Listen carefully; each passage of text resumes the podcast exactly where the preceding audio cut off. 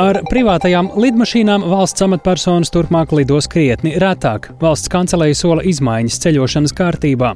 Kad tās ieviesīs, par to plašāk jau pēc brīža raidījumā pēcpusdiena. Dubajā sākusies ANO klimata konference, kur Eiropa cer pārliecināt citus pasaules reģionus straujāk samazināt izmešus. Par fóruma darbu iztaujāsim Dubajā esošo Pasaules dabas fonda Latvijas pārstāvi, bet sapnis par olimpiskajiem bobsleja un kamaniņu startiem tepat Siguldā izplēnējis tā arī vēl īsti nesācies. Startautiskā olimpiskā komiteja priekšroku dod Francijai. Par visu plašāk redzējumā pēcpusdienā kopā ar mani Tāli Eipuru.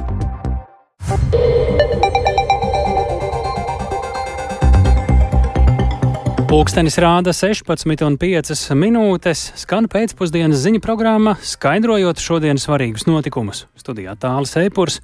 Labdien! Septiņus gadus kopš parakstīšanas un vairākiem nesekmīgiem mēģinājumiem Latvija šodien pēc vairāk nekā piecu stundu ilgām debatēm saimā ratificējusi Stambulas konvenciju. Tas ir dokuments, kas vēršas pret vardarbību, pret sievietēm un pret vardarbību ģimenē. Debatēm šodien līdzi sekoja kolēģis Jānis Kīncis. Jāni, kāpēc debatas izvērtās tik garas, par ko tad deputāti izplūda pārdomās?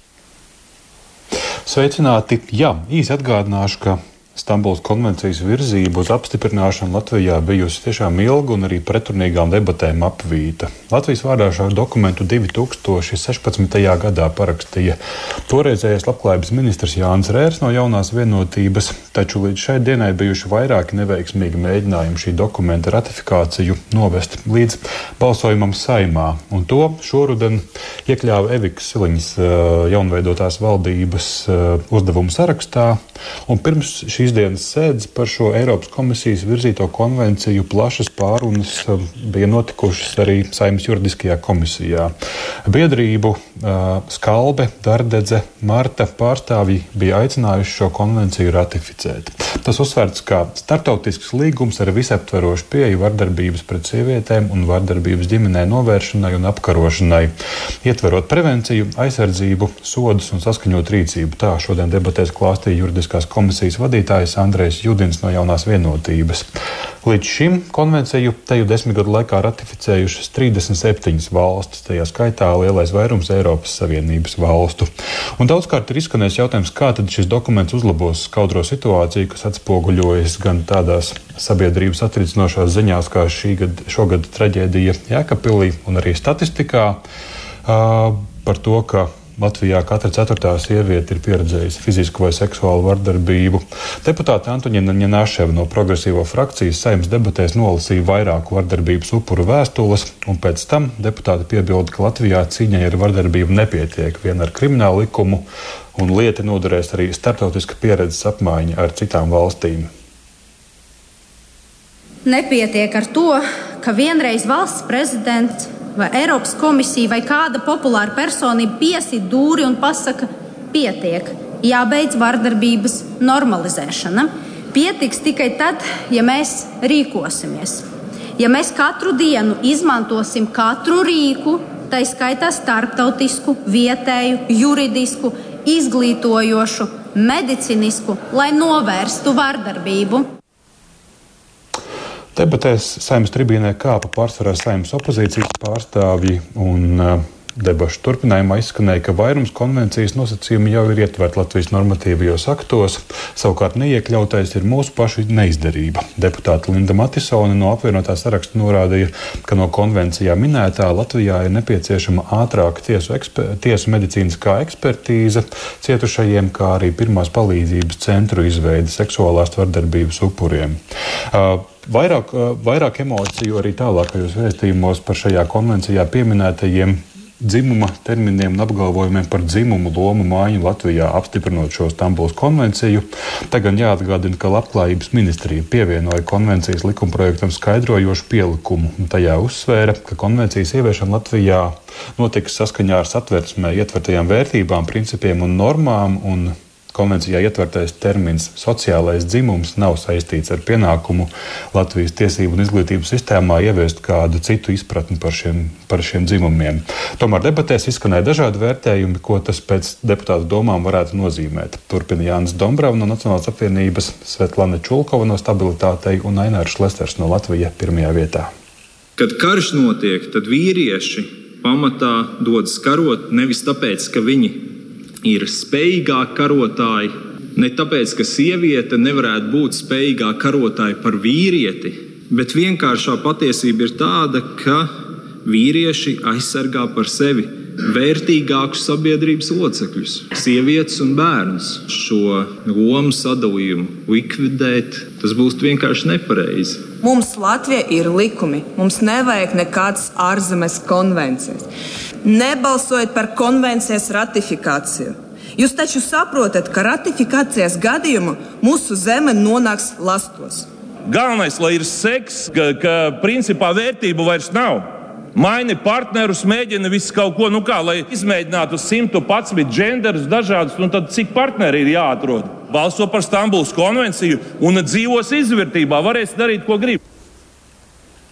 Nu, šādā un nedaudz arī mierīgākā gaisotnē debatas pirms balsojuma ilga teju 5 stundas bez pārtraukuma. Jā, Jānis, pēc eh, pirmā balsojuma deputātiem bija arī tāds eh, īsts brīdis iesniegt eh, priekšlikumus galīgajam lasījumam par Stambulas konvencijas ratificēšanu, vai bija arī kādi iesniegti?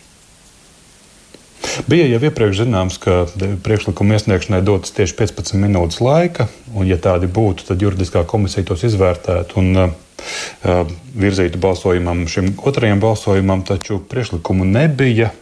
Un, apmēram pirms pusstundas saimnes sēdēja atsākoties, bez priekšlikumiem notika šis balsojums galīgajā lasījumā, un ar 51 balsi par, divām pret un pārējiem klātesošajiem saimnes deputātiem nepiedaloties balsojumā, tad, tad Stambuls ratifikācija ir notikusi. Paldies, tā Jānis Kīncis, ziņojot no saimas, kur tikko, tikko septiņus gadus kopš parakstīšanas un vairākiem neskamīgiem mēģinājumiem Latvija šodien ir ratificējusi Stambuls konvenciju. Ar privātajām lidmašīnām valsts amatpersonas turpmāk lidos krietni retāk. Par tādu plānu Latvijas radio šodien pavēstīja valsts kancelējā, paredzot, ka izmaiņas amatpersonu ceļošanas kārtībā ieviesīs jau šonedēļ. Iemesls - sabiedrības asā reakcija uz bijušā premjerministra Krišjāņa Kāriņa no jaunās vienotības veiktajiem 36 lidojumiem ar privātajām lidmašīnām, kas maksājas vairāk nekā 1 miljonu eiro. Vairāk Viktora Demidova ierakstā. Vairāk nekā 600 tūkstoši eiro no valsts maka un virs 700 tūkstošiem par Eiropas Savienības naudu. Tāda ir bijušā premjerministra, tagadējā ārlietu ministra Krišjāņa Kariņa no jaunās vienotības lidojumi ar privāto lidmašīnu kopš 2019. gada. Par gaisa kuģu nomāšanu pārbaudi sākusi ģenerālprokuratūra, tā ziņo medijos. Visi Eiropas Savienības apmaksātie reisi bija uz Briseli vai atpakaļ, savukārt par valsts naudu naudu Kariņš lidojis piemēram uz Portugāli, Vāciju, Franciju, Dāniju un Ukrainu. Saimas opozīcijas frakcijas apvienotais saraksts vadītājs Edgars Tavars uzskata, ka Kariņa lidojumus varēja izplānot saulaicīgi, izmantojot komercreisus. Šāda attieksme pret nodokļu maksātāju naudu, tas ir uh, vienkārši viegli izsakoties šoks. Apvienotā saraksta neviens ministrs nebijām informēti, ka mēs šādā veidā tērējam naudu no valsts kancelēs līdzekļiem. Griezos jautājumu pie mūsu šobrīd ir opozīcijas partneriem, tā brīža koalīcijas partneriem Nacionālās apvienības. Es saņēmu tieši tādu pašu atbildi. Bija pat dienas, kad paralēli mūsu pašu kolēģi ir lidojuši Briselē parastiem ekonomiskiem reisiem. Arī ministri būdami. Vienmēr var gadīties, ka jāvaldo uz Ukrainu vai kaut kāda šāda veida tikšanās, kur iepriekš nevarēja noprognozēt. Tad pastāv vienmēr iespēja kaut kā šādu ekstru izmantot, bet tas varbūt ir ārkārtējs gadījums viens, divi gadā. Bet piedodiet, ja mēs redzam pa šitiem dažiem gadiem, tās ir 36 reizes. No, tas kā minimums rada ļoti nopietns jautājums. Privātos reisus par valsts naudu Kariņš sāka izmantot 2021. gadā, kad plosījās Covid-19 pandēmija. Atsevišķos gadījumos nebija pieejami regulārie reisi. Tā Latvijas radio skaidro valsts kancelējā, aizbildinoties, ka katrā reizē viņi vērtējuši vai paredzētajā galapunktā Kariņš var nokļūt ar komercreisu. Turpina valsts kancelējas direktors Jānis Citskovskis. Bieži vien no tā gala mērķa vien nevar izdarīt secinājumus, ka tur varēja aizlidot regulāro reisu. Jā, jūs bieži vien varat aizlidot, bet varbūt dienu pavadot, sēžot un gaidot kaut kur vai nu pārsēšanās vietā, bet um, līdzīgi kā visās valstīs, Tas primārais uzdevums ir maksimāli izmantot premjeru laiku. Visi tie lēmumi vai tikšanās, kuras nenotiek, bieži vien tā ietekme var būt daudz lielāka kā tas lidojuma tiešās izmaksas. Tur katram. Taču sabiedrības neapmierinātība ar daudzajiem Kariņa privātajiem pārlidojumiem kārtību liek pārdomāt. Šonadēļ būs kārtība par to, kā izvērtēt un pieņemt lēmumu par to, vai izmantot speciālo reizi un kādos gadījumos pēc šīs sabiedriskās rezonanses Visticamāk, tie būs atsevišķi izņēmumi. Tas notiek uz premjera rēķina, premjeras šajā gadījumā, upurējot kādas premjeras darba kārtības jautājumus, atceļot kādas sanāksmes iepriekš vai pēc. No kaut kā jāatsakās, ja jūs esat atkarīgs no regulārā reisa pieejamības. Privāto lidmašīnu izmantojusi arī tagadējā valdības galva Evika Siliņa no jaunās vienotības, kas par vairāk nekā 26 tūkstošiem eiro pirms mēneša atgriezās no Eiropadomes sēdes Briselē. Tā ir vienīgā reize, kad premjere lidoja ar privāto lidmašīnu, un to apmaksāja Eiropas Savienība. Viņas birojā rakstiski atbild, ka turpmāk Siliņa maksimāli izmantos komercreisus, plašāk nekomentējot. Viktors Demidovs, Latvijas radio. Par šo un citām aktualitātēm rīt programmā Labrīt kolēģi izvaicās Rīgas Stradiņa Universitātes politikas zinātnes katedras profesoru Ilgu Kreitus. Klausieties pēc pulksten septiņiem no rīta. Bet Baltijas valstis, arī Polijas un Ukrainas ārlietu ministri boikotēs šobrīd Ziemeļmaķedonijā notiekošo Eiropas drošības un sadarbības organizācijas tikšanos, jo tajā piedalās Krievijas ārlietu ministrs Sergejs Lavrovs. Šo soli atbalsta arī valsts prezidents Edgars Rinkevičs, sakot, ka Lavrova dalība ir sitiens pa ECO reputāciju. Tāpēc tūdaļ jautāsim mūsu kolēģim Arķemam Konohovam tiešraidē no Briseles. Precizēt, kāpēc Krievijas ārlietu ministrs Lavrovs vispār ir aicināts uz šo ministru sanāksmi un kā tad Baltijas valsts pamato savu atteikšanos piedalīties? Jā, tik tiešām Krievijas eh, ārlietu ministra Sergeja Lavrova dalība vairāk vai mazāk ir aizēnojusi šo sanāksmi, šo ministru tikšanos, kas ir igadējā ministru tikšanās, jo par to tiek runāts ārkārtīgi daudz, un tas ir izraisījis ārkārtīgi daudz emociju. Un arī Ziemeļmaķedonijas eh, ārlietu ministrs premjers eh, vairāk kārt ir atkārtojuši, ka viņi nosoda Krievijas iebrukumu Ukrainā, ka attiecības šobrīd ir zemākajā punktā starp abām valstīm, kādas ir bijušas un tiešām tas nekādā veidā, viņuprāt, neliecina par to, ka Krievija varētu atgriezties šādā veidā uz starptautiskās skatuves, bet viņi ir sacījuši, ka ja Krievija nepiedalītos, tad tas faktiski varētu nozīmēt organizācijas beigas, jo bija nepieciešams vienoties par to, kas nākamgad vadīs šo organizāciju, kura valsts un bez Krievijas piekrišanas un bez Krievijas dalības tas nebūtu bijis, nebūtu varējis notikt, jo organizācijā valda vienprātības princips, un, kā zināms, Krievija ir bloķējusi Igaunijas kandidatūru nākamgad uh, vad, organizācijas vadībai, un uh, kompromiss ir tāds, ka vadību uzņemsies Malta. Uh, tāds uh, ir panākts lēmums. Un, uh, runājot par lēmumu nepiedalīties, Lietuvas ārlietu ministrs Gabriēlis Landsbergis, viesojoties šeit uh, Briselē, ir visnotaļ emocionāli izteicies, sakot, ka tas uh, šādi uzaicinot Lavrovu pie galda, rietumi kārtējo reizi pieļauju kļūdu. Paklausīsimies! And now, when we're seeing the whole context and we're seeing that Lavrov is being back, is put back at the table. Mēs redzam, ka Lavrovs ir atgriezies pie ECO sarunu galda, un mēs atkal mēģinām nodefinēt Eiropas drošību kopā ar Krieviju. Cik reizes mēs atkārtosim vienu un to pašu kļūdu? Vienu, divas, trīs, jau ceturto reizi mēs aicinām Krieviju runāt par kaut ko, kas ir ne tikai pretrunā ar mūsu interesēm, bet arī apdraud mūsu pastāvēšanu. Tāpēc Lietuva un citas Baltijas valstis nolēma nepiedalīties ECO sanāksmē. Mēs atgriezīsimies, kad Krievija būs savādāka. Kad īsti tas tā varētu notikt, protams, šobrīd eh, neviens nevar paredzēt. Tāli. Jā, Arčom, jau pieminējām, ka arī valsts prezidents atbalsta šādu nepiedalīšanos tādā sanāksmē. Kāpēc viņa prātā ir pareiza rīcība? Jā, arī valsts prezidents Edgars Rinkevičs ir izteicies, kā zināms, viņš ir ar lielu pieredzi arī ārlietās, būdams iepriekš ārlietu ministrs un pats vairāk kārt ir piedalījies šajās sanāksmēs un tāpēc labi izprot, kas tajās notiek.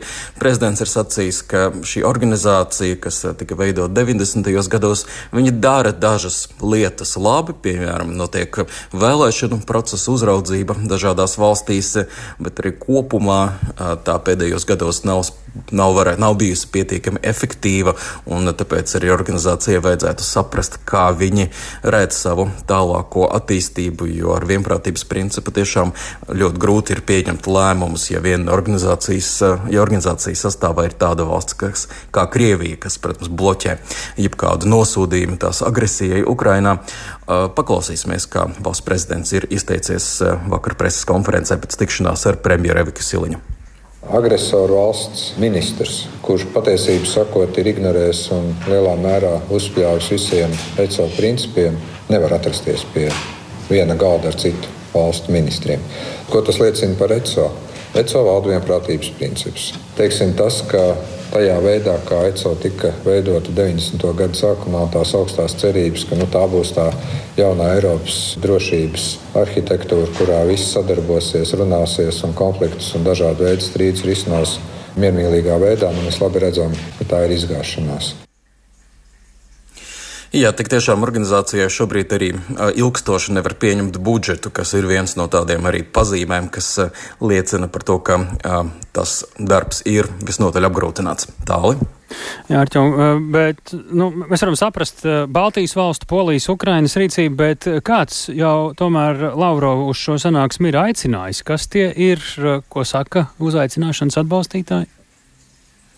Uzaicināšanas atbalstītāji saka, ka organizācija joprojām var spēlēt būtisku lomu un ka tā vēl būs noderīga. Viņi saka, ka, piemēram, gadījumā, ja tomēr sanāks, ka starp Krieviju un Ukrainu tiks noslēgts kaut kāds pamieris vai arī kaut kāds miera līgums, tad tieši šī organizācija varētu būt tā, kas varētu novērot tā īstenošanu, tā piemērošanu.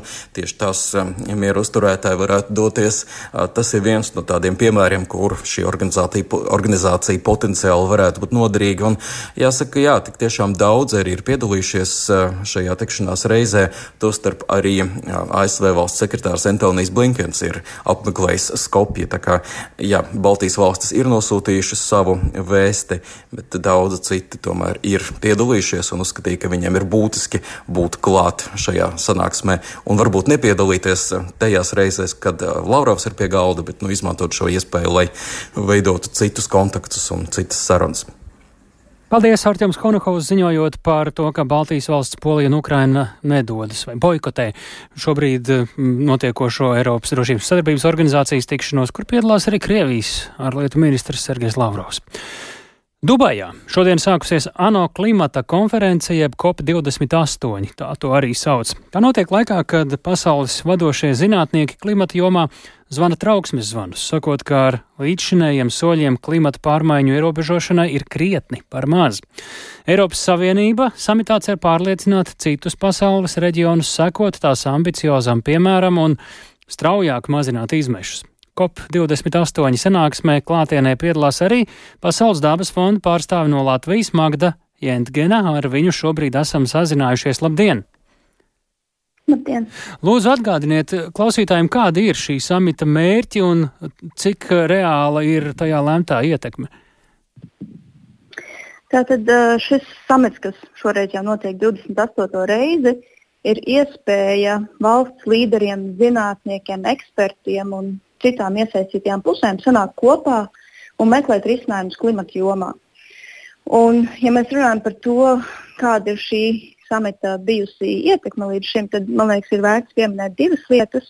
Viens ir uh, Kyoto protokols, kas tika parakstīts 95. gadā, un otrs, protams, ir šis te, uh, Parīzes vienošanās, par ko valsts lēma 2015. gadā. Mm. Tās tās divas lielās lietas, ko mēs esam dabūjuši. Kā jūs teiktu, kas tiek sagaidīts tieši no šī samita, un kā jūs prognozējat, cik daudz no tā varētu reāli arī izdoties par to vienoties? Um, mums, protams, kā Pasaules dabas fondam ir savas prasības, detaļās šoreiz gan neiesim par to, Bet tās lielās lietas, ko ne tikai mēs, bet tiešām daudzi sagaida, ir viens no tiem ir šis progresa novērtējums. Tātad atrast šo kopīgo mehānismu, saprast, kur mēs šobrīd esam, uz kāda ceļa, jo mēs pavadām pārāk daudz laika diskutējot, kā mēs aprēķinām emisijas, vai tas ir pareizi vai nepareizi. Tad mums beidzot vajadzētu par šo vienoties, lai mēs vairāk netērējam laiku uz to. Tad nākamā lielā lieta ir, protams, transformēt um, šo enerģētikas nozari un uh, sektorus, kur uh, vis, ir vislielākās emisijas. Tā skaitā nepieciešams atteikties no fosilā kurināmā nevēlāk kā līdz uh, 2050. gadam. Un tad trešā lielā joma principā ir finansējums. Viens ir to, ka mēs finansējam šos risinājumus, lai sasniegtu klimata mērķus, un otrs ir tas, ka mēs investējam tajā pasaules daļā, kas šobrīd cieši visvairāk. Kaut kur no mikrofona varbūt izdevās paslīdēt tālāk, bet uh, kamēr jautāju, tikmēr droši vien var to labot par uh, ko un kāpēc tās sarunas varētu būt vissarežģītākās šoreiz. Es domāju, ka tās sarunas varētu būt vissarežģītākās tieši saistībā ar šo fosīlo kurināmo, jo tas principā ir tas, ko lielākā daļa no uh, cilvēkiem un, un, un tiem, kas seko līdzi kopam, ir prasījuši jau no paša sākuma. Katru gadu, diemžēl, ir vilšanās šajā. Um, tieši tāpēc tas varētu būt vissarežģītākais. Bet, nu, protams, neviena no tēmām, kas tiek apspriesta, nav ļoti vienkārša. Jā, šodien Dubajā oficiāli ir atklāts tāds zaudējumu un postījumu fonds, ko jau sen centās panākt tās valstis, ko jau ir smagi skārušas ar globālo sasilšanu saistītas dabas katastrofas. Kā tad tas darbotos? Jā, šis fonds, tā ideja tika, ja dzimta tā teikt, iepriekšējā kopā Eģiptē. Un tad arī viens no mūsu prasībām bija, ka šajā kopā tiek jau precīzi atrunāts, kā šis fonds darbosies un ka tajā tiek iemaksāta reāla nauda. Un tas šodien ir noticis. Tas ir vēsturiski ātri. Kopā parasti nekad lēmumi tik ātri netiek pieņemti.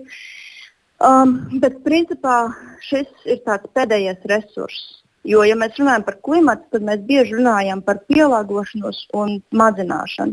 Tātad pirmā lieta, kas mums būtu jādara, ir jāmazina klimata pārmaiņu ietekme. Ja tas neizdodas, tad mēs mēģinām pielāgoties. Un tad šeit ir pats pats pēdējais, ja mēs nevaram pielāgoties, tad principā mums ir nauda, ko mēs varam maksāt šiem cilvēkiem un teritorijām, kas tiek skarti uh, klimata pārmaiņu dēļ. Un principā tās ir teritorijas, kas nav atbildīgas par šīm pārmaiņām. Jā, cīņa ar sākām. Strādās, tas vēl tiks izrunāts. Jā, un šorīt Latvijas radio bija sižets, kur izskanēja stāsts, kur tā šī samita rīkotāja valsts apvienotie Arābu Emirāti iespējams nu, tādu dubultu spēli spēlē, kur klimata samitu izmanto pie viena, lai slēgtu arī jaunus līgumus par naftas produktu tirgošanu, kā tas var ietekmēt samita noris. To cilvēki arī dēvē par tādu kā interešu konfliktu. Uh, šī valsts un, un arī kopa prezidents Sultāns Al-Džabers paši ir nolieguši uh, šīs delegācijas. Es domāju, mēs arī nesteigsimies ar kritiku, jo kopu nevar vērtēt pēc pirmās dienas. Šīs, uh, šī konference tomēr ilgs divas nedēļas, un divas nedēļas būs ļoti intensīvas diskusijas starp uh, visiem 90 tūkstošu dalībniekiem. Līdz ar to mēs pagaidīsim lai spriestu par rezultātiem, kad šī konference būs beigusies. Bet es domāju, mēs varam arī plašāk skatīties uz uh, Arābu Emirātiem. Viņi tomēr ir viena no valstīm, kas visātrāk un visintensīvāk attīsta atjaunojamo energoresursu projektus. Mm, tāpēc es uh, skatītos uzmanīgi uz šīm delegācijām arī. Sakām paldies tik tālu. Turpināsim sakot līdzi. Varbūt sazināsimies ar jums, ja reiz šis samits ilgs krietnu laiku jau par tā kādiem rezultātiem. Liels paldies! Sarunājāmies ar Pasaules dabas fonda pārstāvi no Latvijas šajā konferencē Magdu Jēngenu, bet turpinām raidījumu pēcpusdienu. Ir aizgājis vesela laikmeta simbols. Savās mājās ASV Konektikutā simt gadu vecumā ir miris bijušais ASV valsts sekretārs Henrijs Kisingers. Lai gan Kisingers ticis plaši apbrīnots, viņš bija arī bēdīgi slavens ar savu reālu politikas filozofiju, proti valsts interešu īstenošanu ar varas metodēm. Tas gan nav liedzis pasaules valstu līderiem viņam veltīt piemiņas vārdus. Un šobrīd arī esam sazinājušies ar kolēģi Rihardu Plūmi, kurš par šo tēmu ir gatavs pastāstīt vairāk. Riharda, lūdzu, vispirms atgādini vairāk par pašu Henriju Kisindžeru. Jā, labdien! Nu, ja mēs ieskatāmies vēsturē, tad, eh, protams, jāsāk ar um, Henrija Kisindžera piedzimšanu, un tas ir noticis tālajā 1923. gadā, un piedzima viņš Vācijā, ebreju ģimenē. Un, jau vēlāk, neilgi pirms otrā pasaules kara, 1938. gadā, viņš ar ģimeni aizbēga no nacistiem uz Amerikas Savienotajām valstīm un tur apmetās Ņujorkā. Eh, un eh, viņš strādāja tolaik skūšanās otrūpnīcā, naktīs savukārt apmeklēja vidusskolu un vēlāk studēja grāmatvedību. Tiesa nesanāca viņam tā, šo, šīs studijas pabeigt, jo viņš tika iesaukts armijā, un pēc tam jau eh, vēlāk viņš ieguva arī doktorātu doktora grādu Hārvardā un pēc tam iekļuva valsts aparātā, strādājot tur jau Džona Kenedija laikā arī dzen. E, vēlāk viņš strādāja pie ASV prezidenta Richarda Niksona, bet pēc e, slavenā Watergate skandāla turpināja darbu jau pie jaunā prezidenta Geralda Forda, un tur strādāja arī administrācijā. Pie abiem prezidentiem 20. gadsimta otrajā pusē viņš ieņēma gan valsts sekretāra, gan Nacionālās drošības padomu padomnieka amatus, un e, šie brīži arī ir viņa, nu, ja tā var teikt, e, spožākais laiks viņa karjerā. Tāli. Nu, Kisindžers tiek dēvēts par ASV ārpolitikas arhitektu, ir palīdzējis Savienotajām valstīm veidot pasauli pēc otrā pasaules kara. Nu, kādus sasniegumus mēs varam viņam piedēvēt? Jā, nu, viens no ietekmīgākajiem diplomātiem ASV vēsturē noteikti un patiesi ir atstājis vērā ņemams nospiedums pasaules vēsturē. Nu, kaut vai, piemēram, viņš centās atrast jomas, kurās ASV varētu mazināt spriedzi ar eh, Padomju Savienību augstā kara laikā. Tāpat viņš risināja eh, sarunas eh, arī tuvo austrumu reģionā, sarunas ar Izrēlu, Eģipti, ar Sīriju, bet ļoti būtiski bija attiecība veidošana to laiku ar komunistisko Ķīnu. Viņš 1971. gadā slepeni lidoja uz Pekinu, lai tur nodibinātu attiecības ar Ķīnu, un viņam izdevās izveidot pamatu nozīmīgai tā laika prezidenta Niksona vizītei, kurš centās salauzt augsto karu un piesaistīt palīdzību arī Vietnamas kara izbēgšanai. Paralēli Ķīnai un Padomju Savienībai gana daudz Kisindžers tiek saistīts tieši ar Vietnamas karu, kas tolaik bija liela ASV iekšpolitikas problēma, un viņam arī tika piešķirta Nobela miera prēmija par sarunām Vietnamas kara izbēgšanai. Un, lūk, kā viņš pirms vairākiem gadiem skaidroja iemeslu, kādēļ viņa prāta amerikāņi šajā Vietnamas karā ir izgāzušies. Mēs zaudējām karu, jo bijām sašķelti, un arī tāpēc, ka mēs bijām pārāk nedroši par to, ko īsti mēs vēlamies.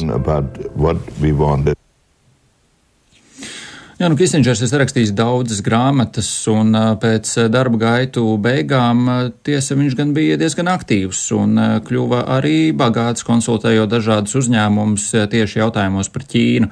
Un vēl šī gada jūlijā, dažus mēnešus, mēnešus pēc tam, kad Kisindžeram apritēja simt gadu, viņš pēdējo reizi apmeklēja Ķīnu, tiekoties toreiz ar prezidentu Šīziņu Pīnu un citiem Ķīnas līderiem. Tātad vēl arī šādā vecumā viņš turpināja palīdzēt savā ziņā Amerikas Savienotajām valstīm arī arī šī brīža politikas veidošanā attiecībā ar Ķīnu. Tāli.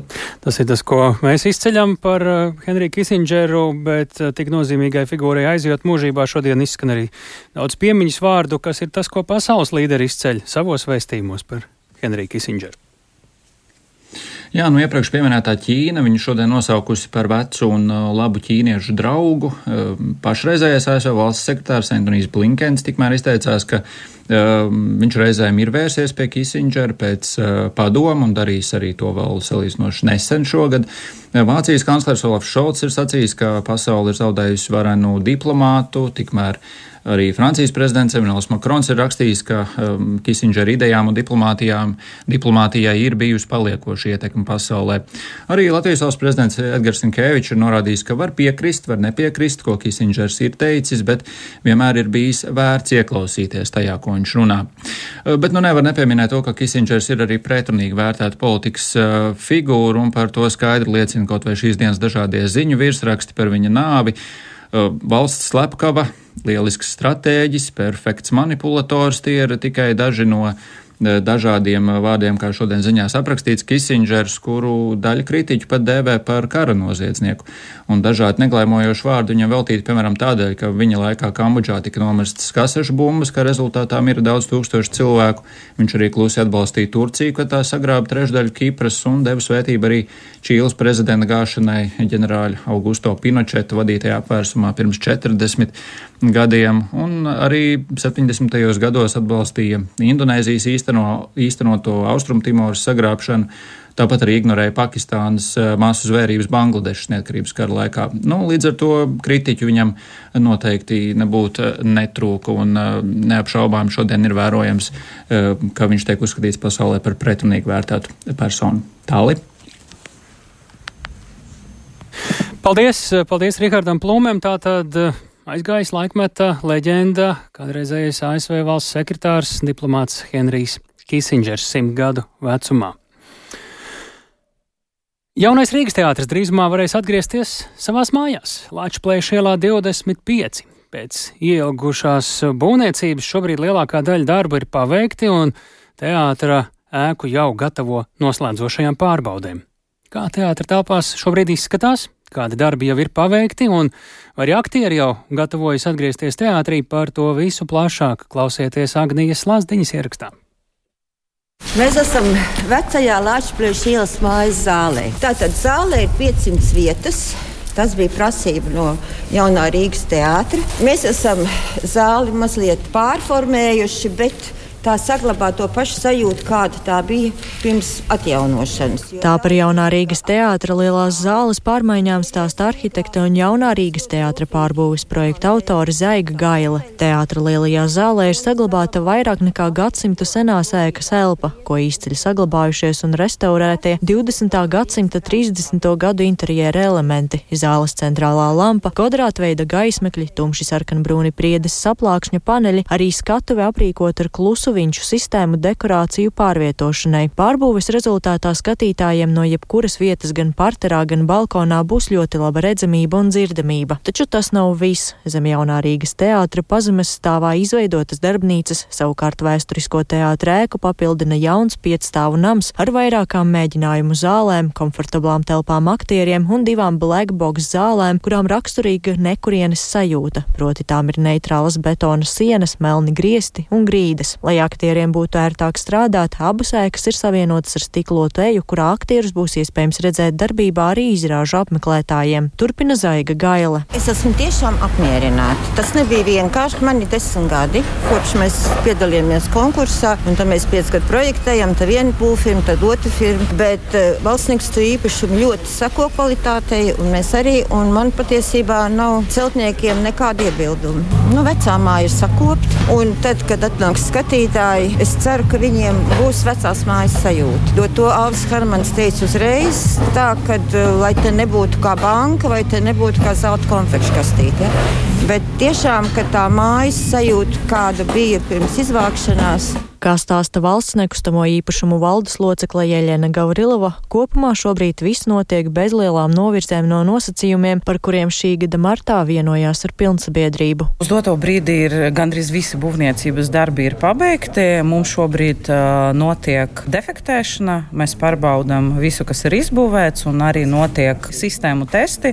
Un, uh, mēs jau arī gaidām ciemos visas inspekcijas, veselības inspekciju, ugunsdzēsēju inspekciju un arī būvniecības Tirzniecības valsts kontroles biroju. Tad faktiski esam finiša taisnē. Arī jaunā Rīgas teātra direktore Gundaga Palma atzīst, ka teātra kolektīvs ļoti gatavojas pāriet uz jauno ēku. Pabeigts jau ir daudz, 95% no darbiem ir izdarīti, bet, nu, kā saka, parasti jau pārkāptē suņa astei ir grūtāki, teiksim tā. Tā kā mūsu sajūta šobrīd ir ļoti cerīgas, bet mēs joprojām gaidām no valsts nekustamiem īpašumiem to starta šāvienu, kurā brīdī būs nodota šī ēka eksploatācijā, nu, tad attiecīgi izējot no tā mēs varam plānot savu darbu. Jaunā Rīgas teātrēku kompleksu paredzēts nodot eksploatācijā līdz gada beigām, savukārt jau nākamā gada pirmajos mēnešos plānots uzsākt aktieru pārcelšanos no pagaidu telpām tabakas fabrikā uz Lāču plēšu ielu 25. Agnija Lazdiņa, Latvijas radio. Bet nu par lēmumu, kas var ietekmēt kādu citu nozīmīgu būvi Latvijā, Siguldas ledus trasi. Proti, izredzu, ka Latvijā varētu rīkot Olimpisko spēļu sacensības 2030. gadā kopā ar Zviedriju šobrīd praktiski nav. Startautiskā olimpiskā komiteja šī gada spēļu rīkošanā par prioritāru sarunu partneri šogad ir izvēlējusies Franciju, tā krietni mazinot Zviedrijas un Latvijas kopīgā pieteikumu svaru 30. gadam. Par 2034. gada Ziemas olimpiskajām spēlēm sarunas domāts turpināt ar ASV pilsētu Salt Lake City. Tāpēc pie mums studijā kolēģis Mārtiņš Kļavinieks, lai skaidrot, Mārtiņ, vai šis tad nu tiešām nozīmē, ka tas sapnis par olimpisko spēļu sacensību rīkošanu Latvijā ir izgaisis, vēl īsti nesācies. Visas durvis šobrīd ir aizvērušās gan uz 30. gan 34. gadu, vai tomēr tur ir arī kādas spraugas? Jā, sveiks tālu un sveicināt arī Latvijas radio klausītāji. Noteikti kāds vēdlodziņš vēl ir mazs pavērts vaļā, un es šodien arī aprunājos ar Latvijas Olimpiskās komitejas ģenerālsekretāru Kārlu Lēnieku, uzdevu viņam tieši šo pašu jautājumu. Man arī mulsināja tas, ka nu, Startautiskā Olimpiskā komiteja šādas pelēkās zonas nekliedē un nepasaka, ko tas nozīmē tiem, kur nav uzaicināti šīm fināla sarunām. Un nav arī lēmums par, vai paziņojums, kas rīkos tās nākamās spēles, ir vienkārši sarunas. Jā, jā bet tās mm. ir tās fināla fāzes sarunas, ah. jau nopietnas, kur ir detalizēti un kur uzaicina tos nopietnākos pretendentus. Tātad Francūži 2030. gads un, kā jau minēju, Soutlēk 2034. Bet, eh, nu, galdījumā, ja Francūži atsakās, tad varbūt, ka latviešiem un zviedriem, vai zviedriem un latviešiem, pareizāk sakot, vēl ir kāda iespēja, bet, eh, cik es runāju ar Latvijas Olimpiskās komitejas, kā jau minēja ģenerālsekretāru eh, Kārlu Leinieku, viņš saka, ka, nu, zviedriem tas ir, nu, ja ne dūnces mugurā, tad viņi nav nepriecīgi, varbūt neapvainojušies, bet ļoti, ļoti vīlušies par šādu te mm, Startautiskās olimpiskās komitejas lēmumu, jo vēl jau bija laiks uh, vērtēt, un vēl nebija tāds gala termiņš, kad jānosauc, kurš tad ir tas fināla fāzes sarunu dalībnieks tieši šīm konkrētajām tuvākajām ziemas spēlēm pēc uh, nu jau nedaudz vairāk nekā sešiem gadiem. Bet Soks vakardien izdomāja, ka nosauks tieši francūžus par šiem galvenajiem pretendentiem, nu un tad nu, Zviedri ir, kā saka, Pikti. nu, pikti. Tas tā ir mana versija. Un uh, arī droši vien, ka sarūktināti un vīlušies ļoti, ļoti. Mm. Nu, kādi ir Startautiskās olimpiskās komitejas argumenti, kāpēc uh, gala sarunās par potenciālo spēļu rīkošanu tā ir nolēmusi iesaistīt tieši Franciju un tieši ASV? Jo bija arī vēl citi kandidāti. Bija arī citi kandidāti, jā, nu, Šveice tur pavīdēja arī tā pati Latvijas-Zviedrijas kopīgā kandidatūra. Nu, eh, vismaz Karls Stos, eh, Starptautiskās olimpiskās komitejas konkrētās eh, komisijas loceklis, vakardien publiski pauda, ka tie galvenie iemesli ir politiskais atbalsts, kas ir skaidrs gan francūžiem, gan amerikāņiem, tāpat arī sabiedrības atbalsts, kas, nu, gan Zviedrijas, gan Latvijas gadījumā bija tādi ļoti, ļoti neskaidri. Mēs, argumenti. protams, uzdot jautājumus. Jā. jā, tas gan, tas gan gan, bet eh, francūži, lai gan iesaistījās relatīvi nesen šajā sacensībā, jo vēl gada sākumā, principā, Zviedri bija vienīgie kopā ar latviešiem, kur gribēja rīkot šīs spēles pēc sešiem gadiem, tad, eh, nu, tad tagad francūži ieliec tajā vilcienā un rekur arī ir pirmrīnieki šobrīd. Mm. Ko tad saka Latvijas puse? Ko Zviedri vai abi kopā īpaši jau? par to, vai abas valstis varētu vēlreiz, vai trešo reizi gandrīz, vai tā jāsaka, vienoties un pieteikt kopīgu kandidatūru kādām ziemas spēlēm. Kārlis Lienieks saka, ka pagaidām to vērtēt ir pāragri, vēl, kā saka, ir jāsagramo šīs lēmums, bet uh, paklausīsimies, ko Kārlis Lienieks saka. Es viņam uzdevu, piemēram, jautājumu, nu, ko Latvija iegūna no šīs uh, nu, potenciālās partnerības, lai gan tā nerezultējās uh, tādā um, uzaicinājumā rīkot spēles vai spēļu rīkošanā, bet ko Latvija ir iegūst, to Kārlis Lienieks stāsta. Nu, viņi ir daudz apbēdinātāki nekā nu, nosīt. Viņi ļoti gatavojas šim pasākumam. Es vēl vakar vakarā un šorīt ar uh, Zviedrijas Olimpiskās komitejas uh, prezidentu. Protams, viņi ir ļoti apbēdināti. Gan viņi, gan mēs esam patīkami par mūsu sadarbību, atklātajām attiecībām. Tā kā, nu, jā, kā ir tā ir atklātās sarunas, tā kā tas noteikti nākotnē varbūt ne tieši spēļu organizēšanas sakarā, bet, nu, nākotnes vārdā tīri ar kaut kādu pieredzes apmaiņu un iespējams arī kaut kādiem citiem kopīgiem projektiem sadarbība ir izveidojusies tiešām lieliski. Tas ir tāds ieguvums, tās attiecības, es domāju, paliks uz ilgāku laiku. Tālāk Kārlis Lēnieks, Latvijas Olimpiskās komitejas ģenerālsekretārs, jāpiebilst, ka Zviedriem tā ir jau devītā reize, kad viņiem tautas valodā sakot tiek iedots kurvīts no Starptautiskās Olimpiskās komitejas puses. 80., 90., 2000. gadu sākumā viņi daudz un dikti mēģināja tikt pie šīm tiesībām nesekmīgi, tad mēģināja vēl 2026. gada spēles eh, dabūt pie sevis. Atceramies, arī tas bija neveiksmīgi, un arī šis gadījums neveiksmīgs. Nu, iespējams, ka Zviedriem jau ir apskrējusies dūša. Ko mums šis lēmums nozīmē ne tikai uh, par labām attiecībām ar Zviedriem, bet uh, kopumā par Siguldas trases turpmāko attīstību, jo, ja būtu šīs spēles, tad uh, būtu saredzams iemesls un motivācija šo trasi atkal uh, atjaunot, uzlabot un līdzīgi, kā tagad tas izskatās.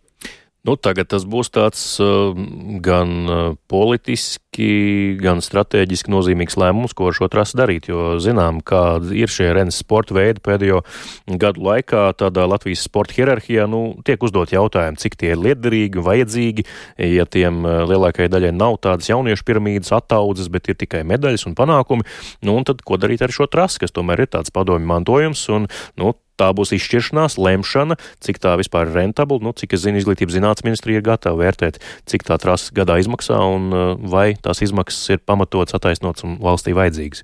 Nu, turklāt arī paši iesaistītie šajos sporta veidos ne visi ir ļoti optimistiski par to, vai šo trasi un kā šo trasi vajadzētu uzturēt. Ļoti labi apzinoties, kāda situācija ir tieši šiem sporta veidiem un ar to olimpisko nākotni šiem sporta veidiem, nepārāk optimistisko ir realitāte šobrīd Latvijā un pasaulē pasaulē. Paldies Mārtiņam Kļaviniekam stāstot par to, ka Starptautiskā olimpiskā komiteja ir izlēmusi turpināt sarunas par 2030. gada un arī 34. gada olimpisko spēļu rīkošanu ar Franciju un ASV, nevis ar Zviedrijas un Latvijas variantu 30. gadam. Šis bija ziņu raidījums pēcpusdiena, to veidoja Tālis Epurs, Ilza Agīnta, arī Renāša Steimanis un Iveta Zvejniece. Mēs sakām, ka šo raidījumu droši meklējiet kā dienas ziņas Latvijas radio mobilajā lietotnē, lai tad klausītos sevi izdevīgā laikā vai dalītos ar kādu citu. Tiekamies rīt pēc ziņām 4 un 5. Yeah.